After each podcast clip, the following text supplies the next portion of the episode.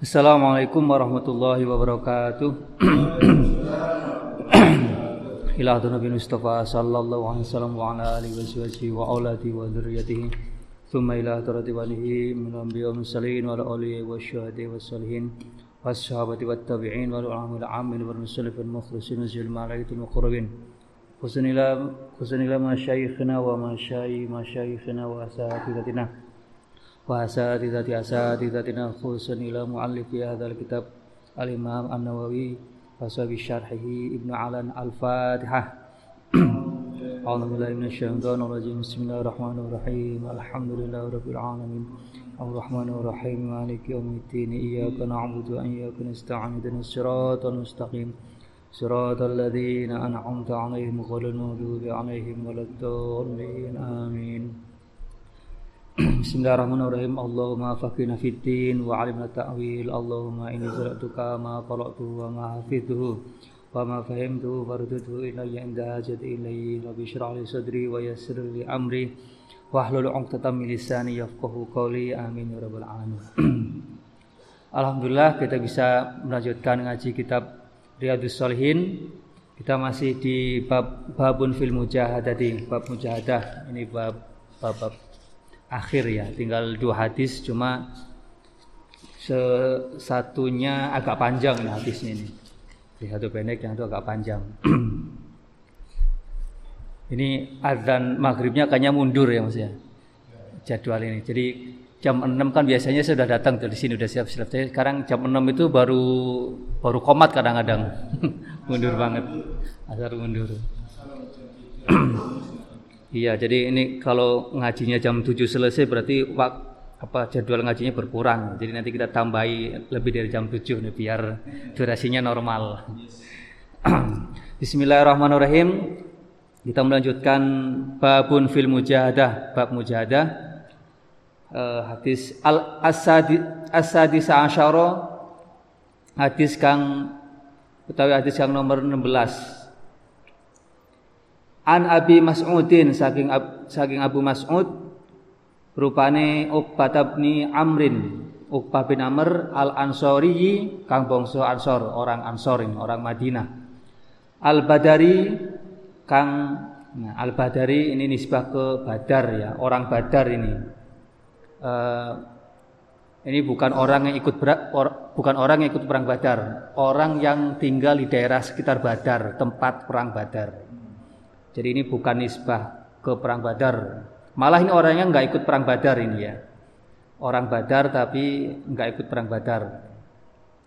Radhiyallahu anhu lama nazalat. Jadi rawinya namanya Abu Mas'ud Uqbah bin Amr Al-Ansari Al-Badari.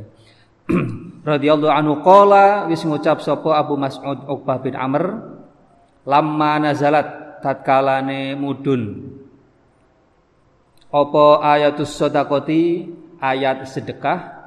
Ayat tentang sedekah. Uh, khudh min amwal khudh min amwalihim sodakotan tutahhiruhu tutahhiruhum wa tuzakkihim. Ya. biha. Khudh min amwalihim sodakotan tutahhiruhum wa tuzakkihim biha. Ya.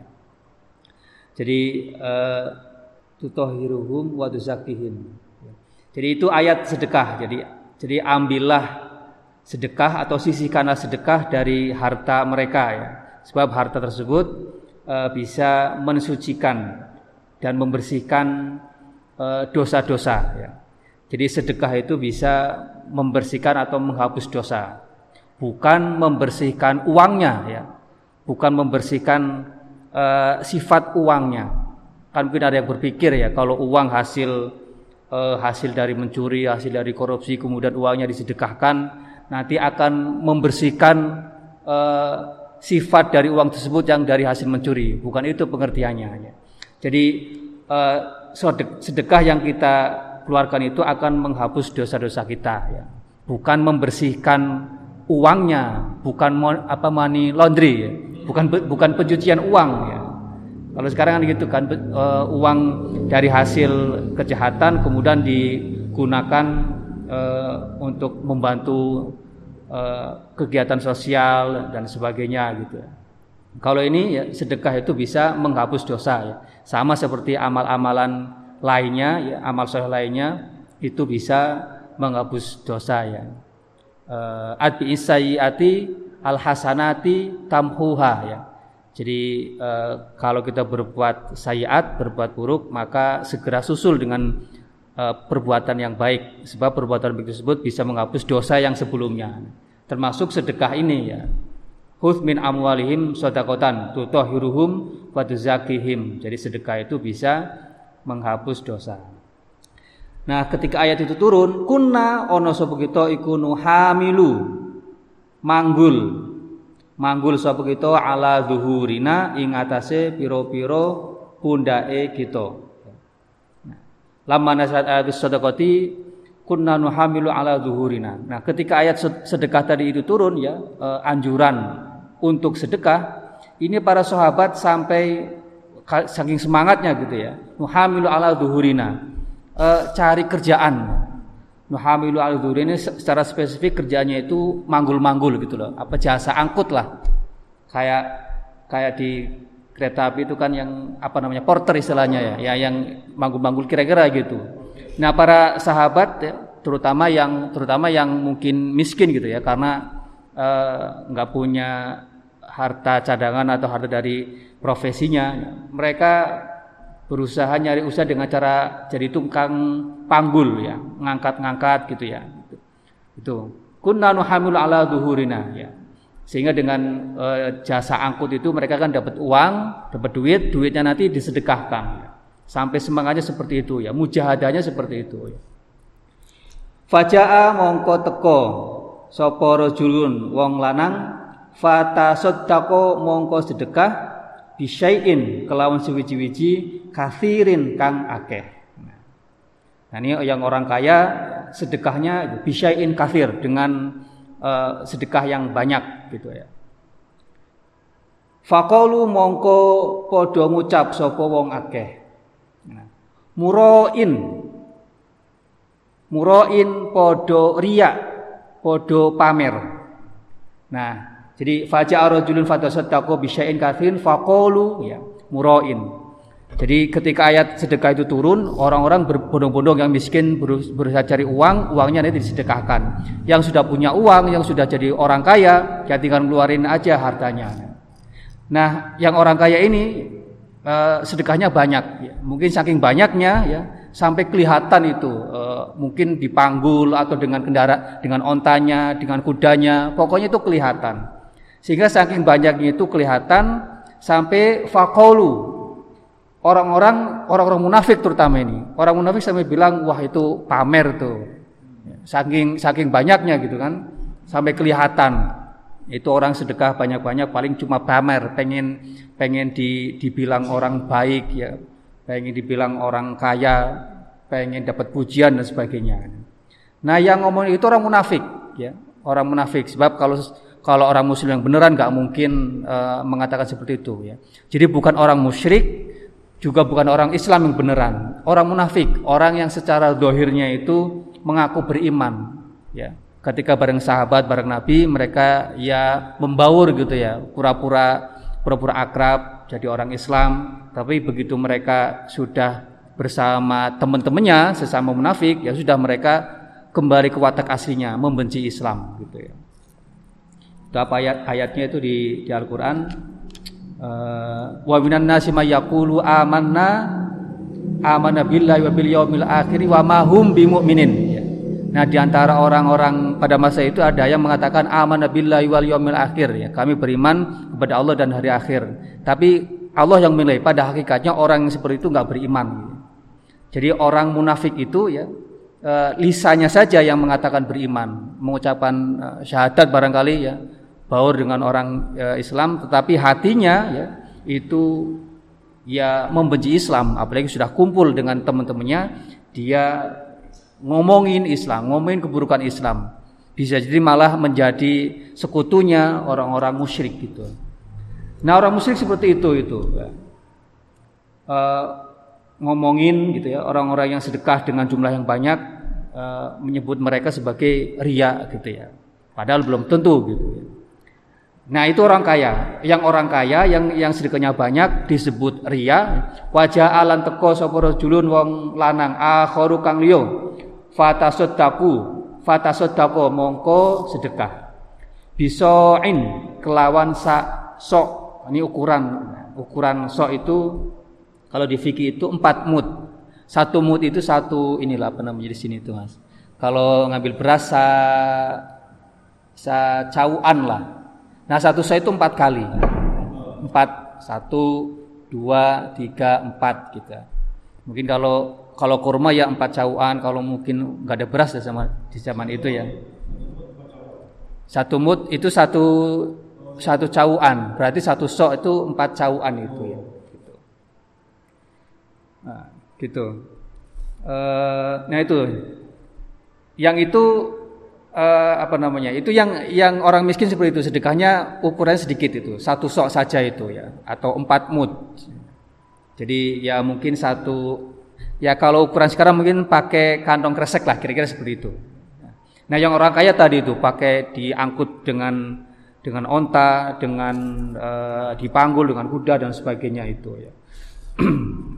Nah kalau orang kaya yang sedekahnya banyak itu disebut disebutnya ria ya dijulidin kalau zaman sekarang itu dijulidin ria nah yang orang miskin gimana? Faqalu mongko padha ngucap sapa munafik ini innallaha azza temene Gusti Allah iku ghaniyun yaktine semuge ora butuh.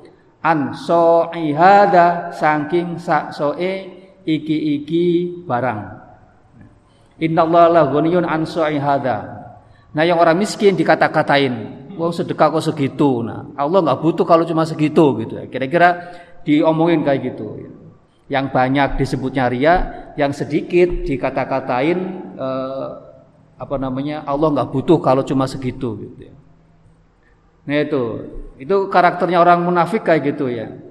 Eh, kebaikan sebesar apa pun ya, atau bahkan sekecil apa pun pasti bakal dikata-katain. Maka uh, salah satu ciri orang munafik ya, yang lain ya kalau yang yang tiga itu kan uh, ayatul munafik salah satu itu kan ya. Idza hadatsa kadzaba kalau ngomong koroh ya. Wa idza wa'ada akhlafa kalau janji uh, apa nulayani mengingkari. Wa idza tu'mina khona kalau dikasih kepercayaan itu dia uh, berkhianat. Nah, ciri yang lain ini julid, suka ngomong, suka ngomongin orang Eh, kebaikannya saja diomongin ya. Di, dinilai buruk apalagi mungkin keburukan yang kelihatan dari seseorang pasti bakal tambah diomongin itu. Julid lah kalau zaman sekarang itu. Itu salah satu ciri orang munafik gitu ya. Yang yang sedekahnya banyak itu dikatain ria. Yang sedek, yang sedekahnya sedikit ya dikata-katain ya, sedikit. Ya Allah nggak butuh kalau cuma segitu Nah itu itu ciri munafik, ciri kelakuan munafik. Jadi ada ada ciri atau kelakuan munafik, ada ada munaf, pengertian munafiknya sendiri gitu ya. Jadi ada pengertian munafik, ada ciri-ciri munafik atau kelakuan munafiknya. Nah, pengertian munafik itu apa? Ya, jadi pengertian munafik itu tadi orang yang e, ketika bersama orang Islam dia melebur menjadi orang Islam, tapi begitu mereka sudah bersama kelompoknya dia memusuhi Islam. Nah itu jadi pengertian itu individu e, munafik itu pengertiannya jelas. Nah di antara kelakuannya ciri-cirinya tadi itu yang tiga dan ini julid. Jadi harus dibedakan antara kelakuan dan orang. Ya. Munafik itu orang, mereka punya kelakuan kelakuan itu ya, julid ya, e, nggak bisa dipercaya, suka bohong, dan sebagainya. Nah, individu munafik ini pada masa Nabi itu jelas. Jelas dalam arti itu eh, apa? bisa dicatat oleh sejarah ya. Maka dalam catatan sejarah itu orang munafik pada masa Nabi itu ada sekitar 300-an tuh ya. 300-an. 300 lebih lah mungkin hampir 400-an, 350 atau 370. Nah.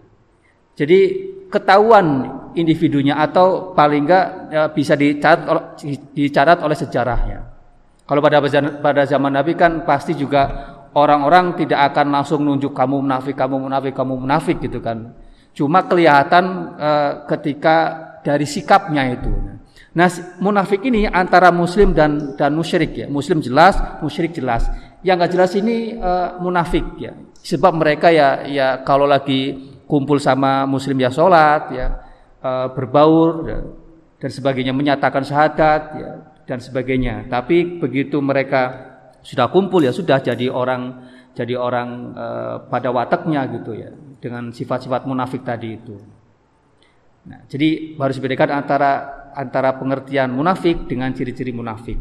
Maka kalau misalkan kita nih sekarang uh, ada orang muslim misalkan ya uh, julid seperti ini, dia bukan munafik tapi melakukan uh, sifat atau kelakuan orang munafik. Gitu, gitu. Jadi misalkan ya mungkin sebagian atau mungkin kita juga pernah yang ngomongin orang ya kebaikannya dia omongin buruknya. Tapi kita ini bukan membenci Islam gitu ya, bukan membenci Islam. Ya kita tetap jadi orang Islam. Cuma kebetulan waktu itu lagi kesambet setan barangkali gitu ya. Jadi ngomongin kebaikan orang, ngerasanin orang ya. Mungkin juga pernah berkhianat, mungkin juga pernah ngomong goroh ya, berbohong ya. Kalau kita sedang berbohong, kita bukan bukan jadi munafik ya. Kita melakukan perbuatan munafik. Kita tetap jadi orang Islam, kita tetap tidak membenci Islam gitu. Jadi bedanya seperti itu. Jadi untuk memfonis munafik ya menjadi orang munafik itu harus hati-hati sebenarnya. Sebab orang munafik itu sudah dicap mereka tidak beriman. Oleh Allah dicap sebagai orang yang orang yang nggak beriman. Maka kalau kita ngecap orang lain sebagai munafik, sama saja ngecap mereka tidak beriman. Padahal kenyataannya kan mereka syahadat ya, menjalankan rukun Islam, rukun iman ya. Cuma waktu itu mungkin dia goroh ya, berkhianat, ya, eh, tadi itu julid dan sebagainya.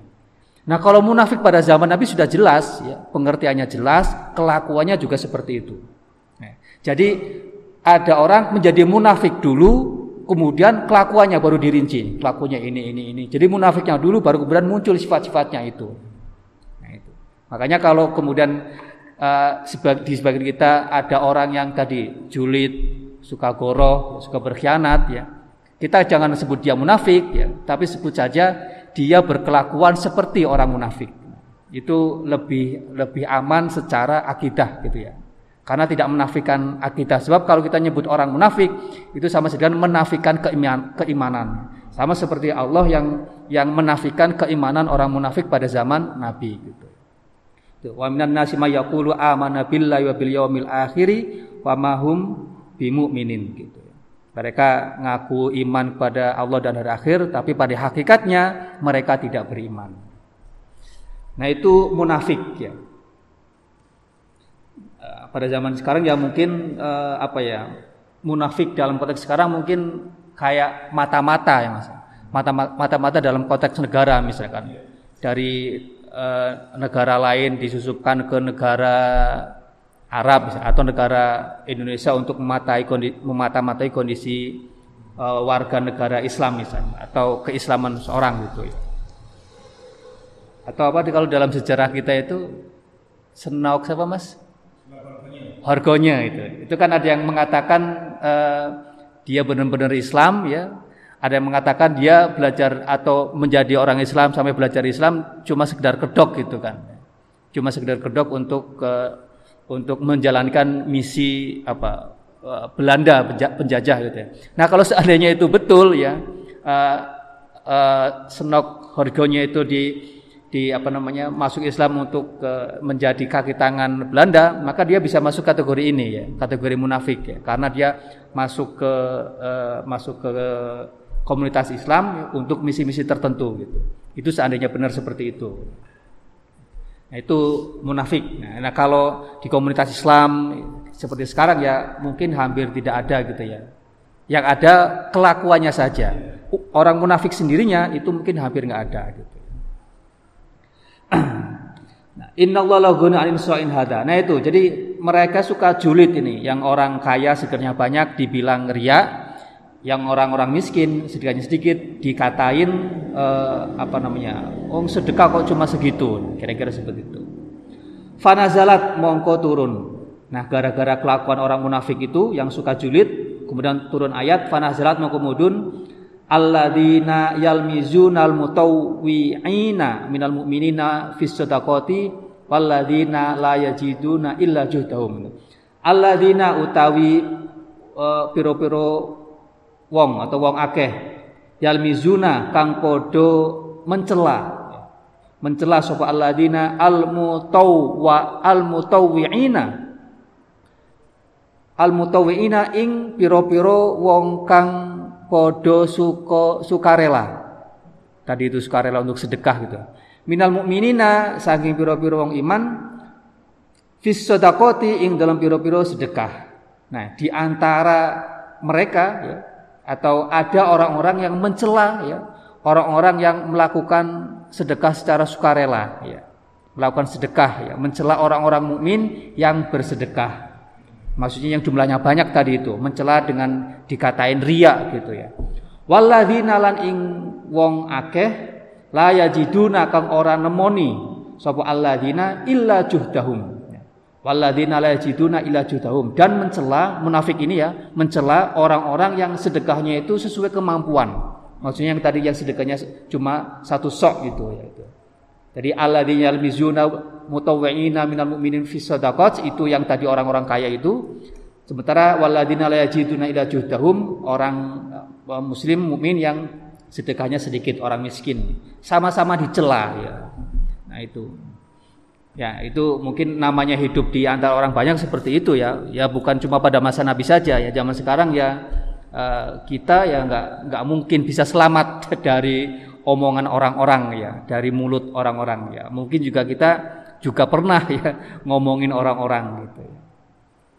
Maka sikap yang terbaik itu ya kita tetap apa ya, tetap uh, berusaha untuk tidak terpengaruh dengan omongan orang gitu ya.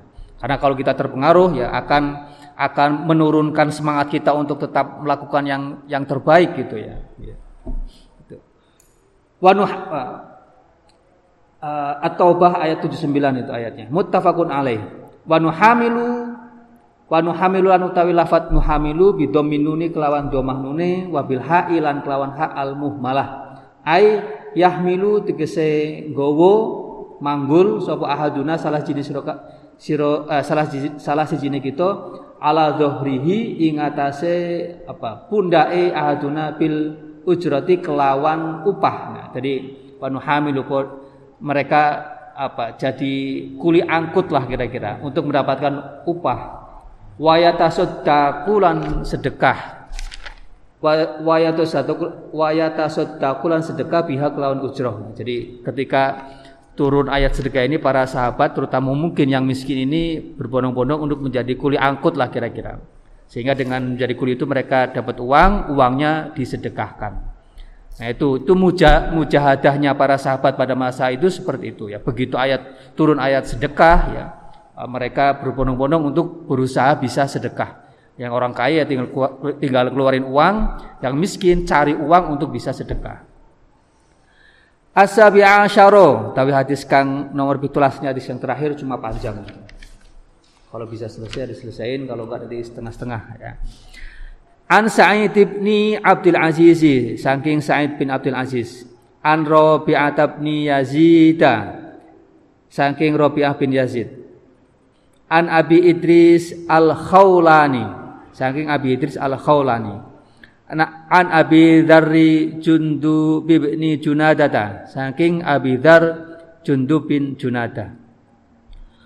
Radhiyallahu anhu Ani Nabi saking Kanjeng Nabi sallallahu alaihi wasallam fima saking barang yarwi kang riwayatake sapa Kanjeng Nabi anillahi saking Gusti Allah tabaraka tabaraka wa taala. Annahu saat temene Gusti Allah nah ini ini yang disebut dengan hadis qudsi jadi hadis qudsi itu hadis yang maknanya itu dari Allah ya tapi secara kalimat uh, susunan kalimatnya itu Nabi yang menyampaikan. Maka Nabi mengatakan uh, bahwa ini adalah atau Nabi meriwayatkan dari dari Allah, bukan dari Nabi sendiri. Itu yang membedakan dengan Al-Qur'an. Kalau Al-Qur'an kan kalimatnya, makna dan kalimatnya, susunan kalimatnya itu dari Allah langsung. Kalau hadis qudsi itu maknanya dari Allah, tapi susunan kalimatnya itu Nabi sendiri gitu. Anahu kola saat temene uh, Allah iku kola dawuh sapa Allah Ya ibadi. Nah, ini juga salah satu ciri hadis qudsi. Ada ya ibadi. Kalau ya ibadi ya sudah pasti Allah yang yang dauh ya, bukan bukan nabi ini. Nabi nggak menyebut sahabatnya itu ya ibadi. Sebab ibadi artinya uh, hamba-hambaku. Nah, para sahabat atau kita umat Islam kan bukan hamba Nabi Muhammad ya. Kita hamba Allah ya. Cuma kita adalah umat Nabi Muhammad. Ya pada pada masa Nabi ya sahabatnya Nabi Muhammad. Jadi Nabi nggak mungkin mengatakan sahabat itu ya ibadi. Maka ini adalah hadis kudsi atau firmanya Allah. Ya ibadi he piro-piro hamba ingsun. Ini satu men ingsun iku haram tu ngaramake mengharamkan sapa ingsun azulma ing kezaliman. Ala nafsi ingatasi awak dewe ingsun. Jadi yang pertama Allah mengharamkan kezoliman untuk dirinya sendiri. Nah, apa arti zolim?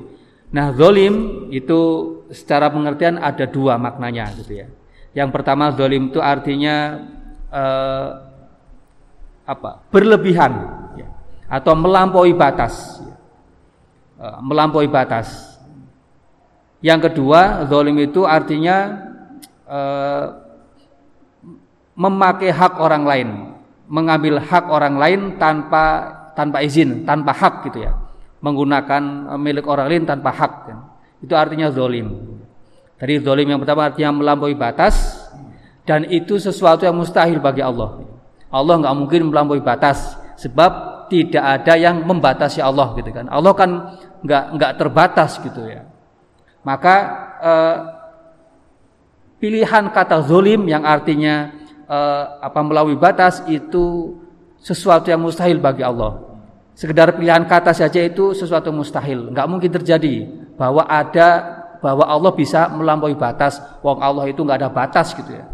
Yang bisa disebut melampaui batas kan uh, sesuatu yang bisa dibatasi itu kan. Nah, sementara Allah itu tidak bisa dibatasi, tidak ada yang bisa membatasi Allah, maka Allah tidak mungkin melampaui batas. Bukan berarti Allah tidak bisa melalui batas, tapi karena memang tidak ada yang membatasi Allah.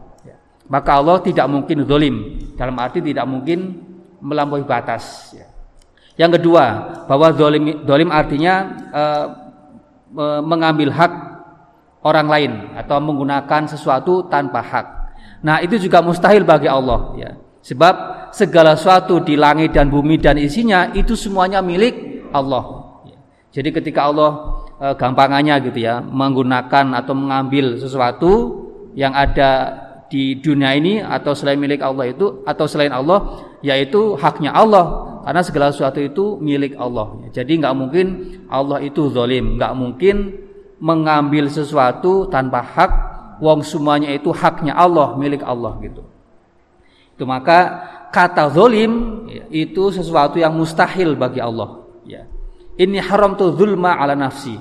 Atau mungkin kalau bisa diterjemahkan dengan tepat itu Allah menghijab dirinya dengan kata-kata atau menghijab dirinya dari kata-kata zolim gitu ya. Jadi Allah nggak mungkin zolim. Nah, yang bisa zolim itu siapa? Yang bisa zolim itu makhluk manusia kita, yaitu orang yang bisa dibatasi, terbatasi, juga orang yang kita makhluk ini yang tidak memiliki segalanya ada hak hak orang lain ya. itu eh, yang berpotensi yang berpotensi zolim itu seperti itu ya. karena itu wajah tu lan ake sapa ingsun hu ing azulma bainakum ing dalam antarane sira muharroman muharroman kang den haramake fala tadzalamu mongko ojo podo saling zolim sira kabeh nah ini karena Allah itu mengharamkan kezoliman, maka manusia juga dilarang zolim. Jadi kalau Allah tidak zolim kepada dirinya sendiri itu karena tidak mungkin zolim, karena sesuatu yang mustahil. Ya. Nah sementara manusia itu ya dilarang zolim karena dia berpotensi zolim. Jadi bedanya seperti itu ya. Allah nggak mungkin zolim karena ya tidak mungkin zolim ya. Sementara manusia itu e, dilarang zolim, tidak boleh zolim karena mereka kita ini berpotensi untuk berbuat zolim, berpotensi untuk melampaui batas, ya. kemudian juga berpotensi untuk mengambil hak orang lain. Misalkan dolim gitu. Ya. Kalau uh, misalnya kita ngaji ini biasanya sekitar uh, 40 menit, 50 menit atau satu jam lah. Kemudian ngaji sampai dua jam, sampai jam 8, jam 9 nanti. Itu dolim namanya. Sebab sudah melampaui batas ya, melampaui batas ya. ya. Atau misalkan uh, uh, jadi imam sholat ya, sampai sholatnya itu lama banget gitu ya, sampai makmumnya itu geringgingen Nah itu bisa disebut dolim ya, karena sudah melampaui batas kewajaran menjadi imam sholat. Itu namanya dolim. Maka kita dilarang dolim oleh Allah karena kita ini berpotensi dolim yang yang pastinya akan merugikan orang lain. Itu pesan yang pertama. Ya ibadi, he piro-piro hamba ingsun, kullukum utawi saben-saben sira kabeh iku dolun padha kesasar tersesat ya. tidak mendapatkan hidayah ilaman kejaba wong hada itu kang paring hidayah sapa ingsun nah ini ya jadi kita ya uh, setelah lahir ya setelah lahir kan kita kan kalau waktu di di alam apa namanya Eh, di alam ruh di sebelum sebelum lahir itu kan sebenarnya kita sudah mengakui bahwa keimanan Allah itu kan ya. Apa itu di ayat Al-Qur'annya itu? Ya yang jelas dalam keadaan fitrah gitu ya. Fitrah kita adalah itu beriman. Tapi begitu lahir ya eh, hidup dengan keadaan, dengan situasi dan kondisi ya, kita bisa menjadi kesasar akhirnya. Nah, salah satu bentuk kesasarnya adalah ketika manusia setelah Nabi Isa itu hidup pada masa fatroh ya, masa ketika tidak ada wahyu lagi. Wahyu dari Nabi Isa terputus, sementara Nabi Muhammad belum belum datang itu. Nah, sebagian orang sudah campur-campur ya, agamanya menjadi jadi musyrik ya, dan sebagainya. Nah, sebelum Nabi Muhammad eh, lahir diutus itu dolun, ya, tersesat, kesasar gitu ya karena belum belum ada uh, risalah ya belum ada nabi belum ada rasul yang uh, menyampaikan ajaran. Ilaman hadituhu kecuali orang yang uh, aku berhidayah. Kecuali kalau Nabi Muhammad sudah turun untuk memberikan hidayah itu makna yang pertama nah makna yang kedua uh, ketika Nabi Muhammad sudah diutus sampai pada zaman kita sekarang ini itu pun belum tentu orang bisa punya kesempatan untuk mendapatkan hidayah gitu ya. Walaupun mungkin setiap hari bersentuhan dengan dengan ajaran Islam gitu. Itu juga belum tentu bisa dapat hidayah. Jangankan yang belum Islam, yang sudah Islam saja kadang belum tentu bisa mendapatkan hidayah kebaikan. Yang sudah sudah syahadat, sudah menyatakan uh, rukun Islam, rukun iman, juga mungkin ya uh, nggak sholat gitu ya atau yang sudah terbiasa sholat, sholatnya mungkin bolong-bolong. Itu salah satu e, bentuk ketika hidayah itu tidak ada. Ya. Ketika bentuk hidayah tidak ada seperti itu. Ya. Kecuali ilaman hadaituhu, kecuali orang yang Allah beri hidayah. Jadi kita bisa sholat, ya, bisa bisa jamaah, apalagi bisa rutin, ya, bisa istiqomah, itu semuanya berkat hidayah dari Allah. Kalau tanpa hidayah Allah, kita akan menjadi orang yang kesasar. Ya baik kesasar di luar Islam atau bahkan kesasar saat menjadi orang Islam ya. Kesasar menjadi orang Islam ya tadi itu ya mungkin sholatnya bolong-bolong atau mungkin juga nggak sholat sama sekali dan sebagainya ya. Oleh karena itu fastahdu mongko podo nyuwun hidayah sira ni ing ingsun. Ahdi bakal paring hidayah sapa ingsun Gusti Allah kum ing sira kabeh. Nah, oleh karena itu kita mesti selalu minta hidayah kepada Allah ya. Setiap hari kan kita pasti minta hidayah ini ya. Uh, ihdinas siratal mustaqim paling enggak itu tuh ayat ayat minta hidayah itu seperti itu ya. Ihdinas siratal mustaqim berilah aku hidayah kami hidayah ya, kepada jalan ya, yang yang yang lurus gitu ya, kepada Islam gitu. Maka ketika kita baca Fatihah dalam sholat paling enggak harus di harus di ini kan ya, harus diresapi maknanya. Jadi ihdinas siratal mustaqim ya, berilah kami petunjuk kepada jalan yang lurus ya biar ketika kita membaca itu kita yakin bahwa kita sedang butuh hidayah Allah gitu. Ya ibadi he pira hamba ingsun kulukum utawi saben-saben sira kabeh iku ja'iun wong kang luwe orang yang lapar. Ilaman kejaba wong amtu kang paring panganan sapa ingsun. Hu ing kulukum imu mongko podo nyuwun panganan sapa sira kabeh ni ingsun utim mongko bakal paring panganan sapa ingsun kum ing sira kabeh. Nah, yang kedua eh, wahai hambaku, hamba-hambaku kalian ini orang yang lapar. Kecuali orang yang aku beri makan. Oleh karena itu mintalah makan kepadaku niscaya akan aku beri makan.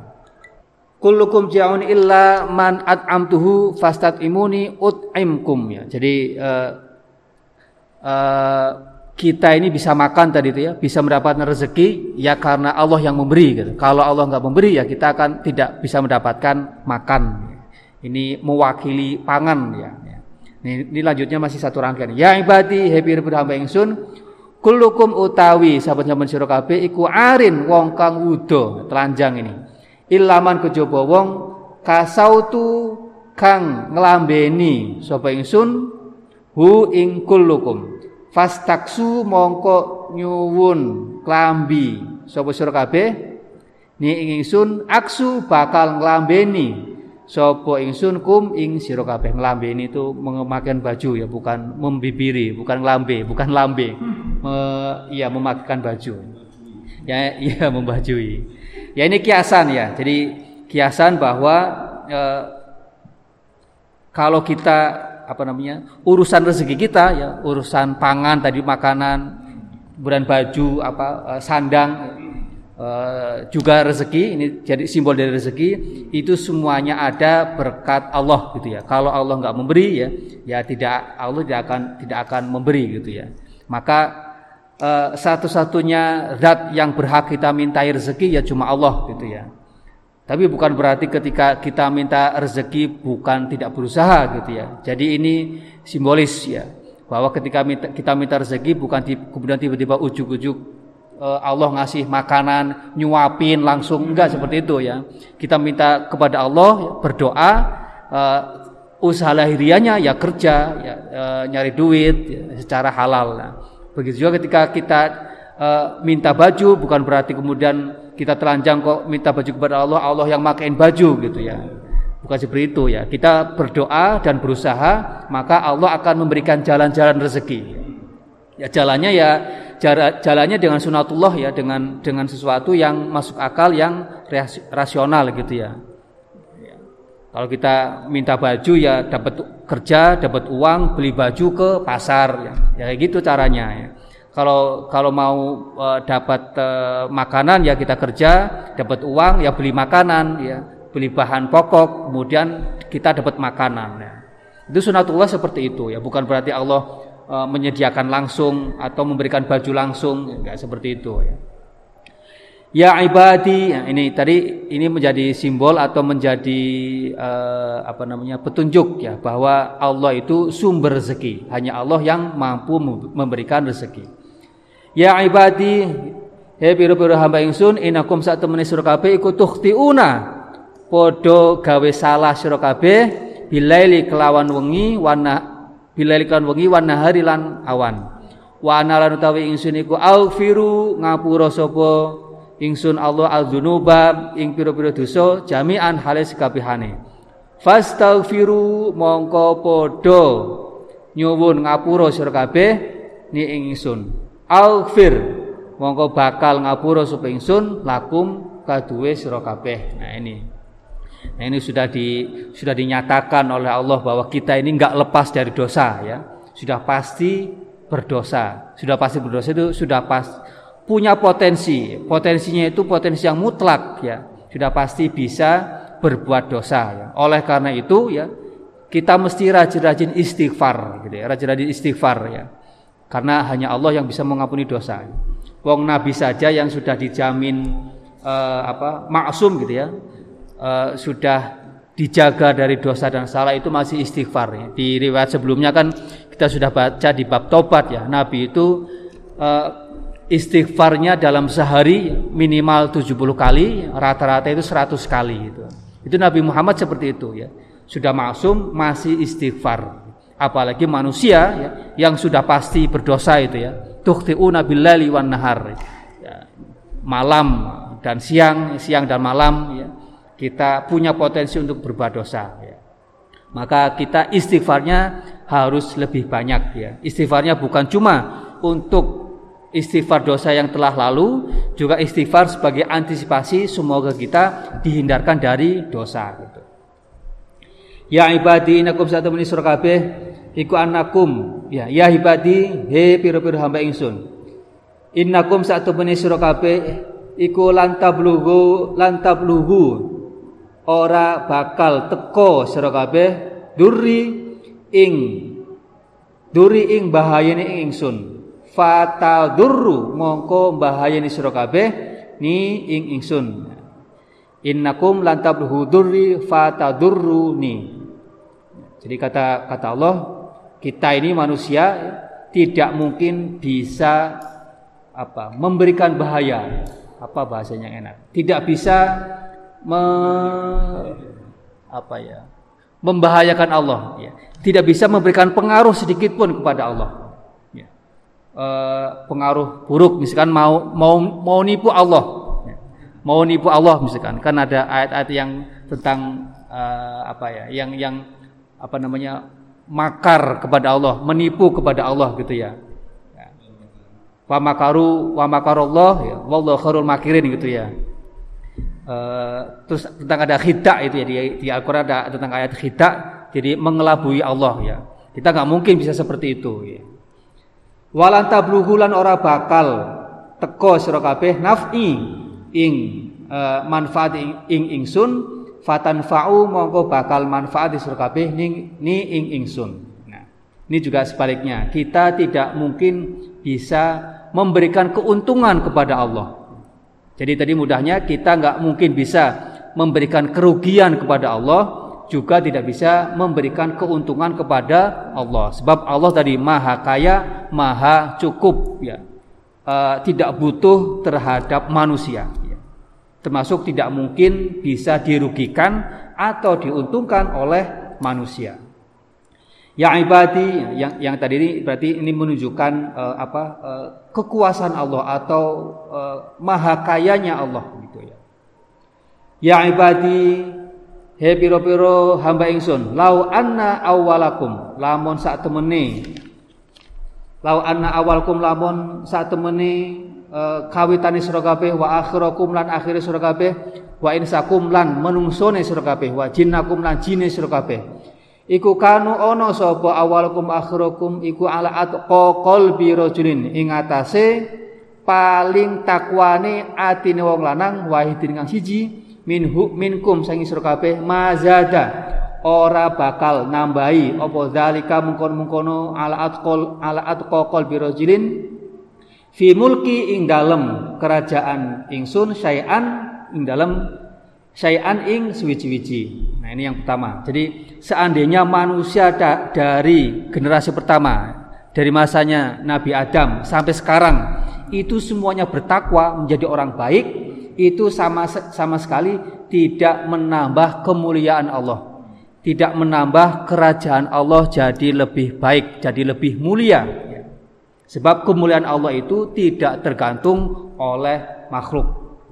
Sebab makanya kebaikan kebaikan kita itu bukan untuk Allah sebenarnya ya. Bukan menambah kekuasaan Allah, kemuliaan Allah, tapi untuk diri sendiri. Jadi semua kebaikan kita itu hakikatnya untuk diri sendiri, bukan untuk Allah. Allah tidak butuh semuanya itu ya. Ini sebaliknya. Ya ibadi hei piro-piro hamba ingsun, lau anna awalakum lamun sak temene sira kabeh. Lamun sak temene awali sira kabeh wa akhirakum lan akhire sira kabeh. Wa ingsakum lan menungsune sira kabeh wa jinnakum lan jine sira kabeh. Iku kanu ana sapa? Awalakum akhirakum iku ala afjari qalbi rajulin. Ing atase paling bejate atine wong lanang wahidin kang siji mingkum sangi sira kabeh mana koso ora ngurangi apa dalika mungkon-mungkono? Ala afjari qalbi rajulin. Min mulki saking kerajaan ingsun syai'an ing suwiji-wiji ini sebaliknya kalau kebaikan manusia itu enggak berpengaruh sedikit pun untuk Allah juga sebaliknya keburukan manusia andai manusia pertama sampai manusia terakhir sekarang ini semuanya bejat gitu ya. itu sama sekali tidak berpengaruh untuk Allah, tidak berpengaruh terhadap Allah, tidak mengurangi sedikit, pun kemuliaan Allah, kerajaan Allah. Ya ibadi, he saat temeni uh, ya ibadi he piro-piro hamba ingsun. Makanya ya kebaikan kebaikan manusia itu untuk manusia sendiri, keburukan manusia juga balik kepada manusia sendiri gitu ya. Uh, apa akibatnya kembali kepada manusia bukan kepada Allah.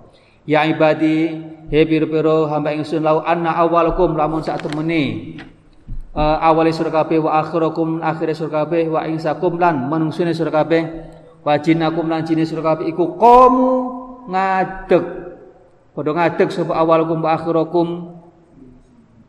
fi su'idin su'idin artinya dataran yang luas dan tinggi fi su'idin dalam dataran tinggi wahidin yang siji Nah, seandainya semua manusia itu eh, pada pada saat yang sama itu berdiri di dataran yang sama, di dataran tinggi. Nah, ngapain?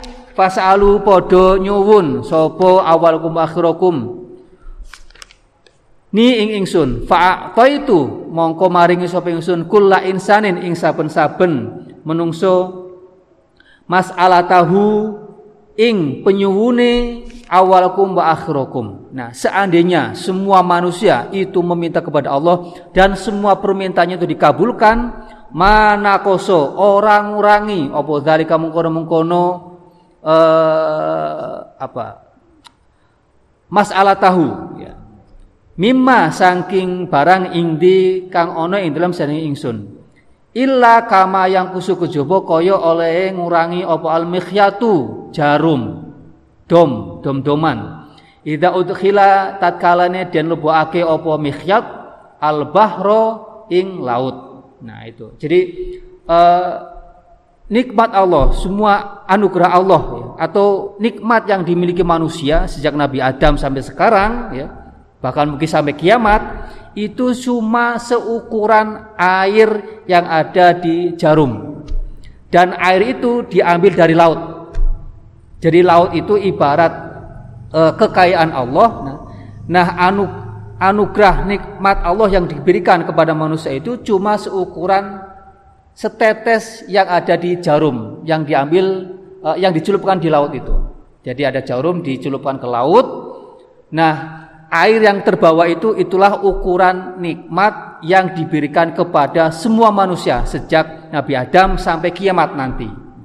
Nah, kalau ada air diambil pakai jarum, itu kira-kira kurang apa enggak ya?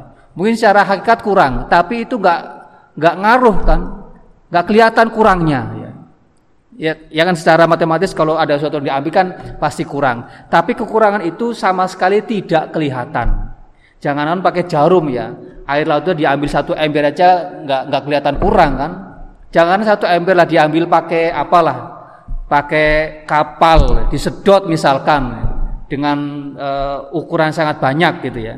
Itu juga mungkin uh, secara kasat mata nggak nggak kelihatan uh, kurangnya air laut itu tersebut. Apalagi cuma setetes gitu ya. Nah nah itu ibarat perbandingan antara kekayaan Allah dan nikmat Allah yang diberikan kepada manusia. Jadi nikmat Allah yang diberikan kepada manusia sejak Nabi sejak uh, Nabi Adam sampai kiamat nanti cuma seukuran tetesan jarum gitu. Itu. Jadi betapa maha kayanya Allah ya dibanding dengan manusia gitu. Ya ibadi, he piro-piro hamba ing piro-piro hamba ingsun, innamah ya angin pestine Hiya utawi masalah tahu iku akmaluk akmalukum piro-piro amri sira kabeh. Uhsi ngitung hale ngitung sapa ingsun ha ing akmalukum lakum kaduwe sira kabeh. Summa wafi nuli nyempurnaake sapa ingsun kum ing sira kabeh iyaha ing akmalukum faman mongko utai sapa wong iku wajada nemoni sapa wong khairon ing kebagusan fal yahmid mongko becik muji sapa man Allah ing Gusti Allah. Tuh, faman wajada khairon fal yahmidillah gitu. Nah, tadi itu uh, tadi uh, setetes air laut yang diambil pakai jarum itu itu tadi perbandingan eh, amal dan nikmat yang Allah berikan kepada manusia. Oleh karena itu, kalau kita mendapatkan kebaikan, bisa berbuat baik atau bisa ngaji kayak gini nih, maka ucapkanlah alhamdulillah. Itu menunjukkan atau sebagai bentuk ungkapan bahwa kita ini nggak bisa ngapa-ngapain sebenarnya. Ya. Kita bisa ngaji, bisa sholat, bisa berbuat baik yang lainnya itu karena anugerah Allah, karena nikmat Allah. Maka yang berhak dipuji atas kebaikan kita, atas anugerah kita itu ya cuma Allah ya. Fal yang berhak dipuji itu cuma Allah. Bukan kita malah membanggakan diri gitu ya. Saya bisa ini bisa itu ya. Kita bisa ini bisa itu ya karena anugerah Allah ya. Maka yang berhak dipuji itu cuma Allah. Falyahmidillah paman uti sapane wong iku wajada nemoni sapa wong ghairu dzalika imungkon-mungkono liyane khairon. Fala manna mongko ojo mencela sapa man illa nafsahu kejaba ing awak dheweke man. Nah, kalau kebaikan itu dinisbahkan kepada Allah, kalau keburukan itu kita nisbahkan kepada diri sendiri.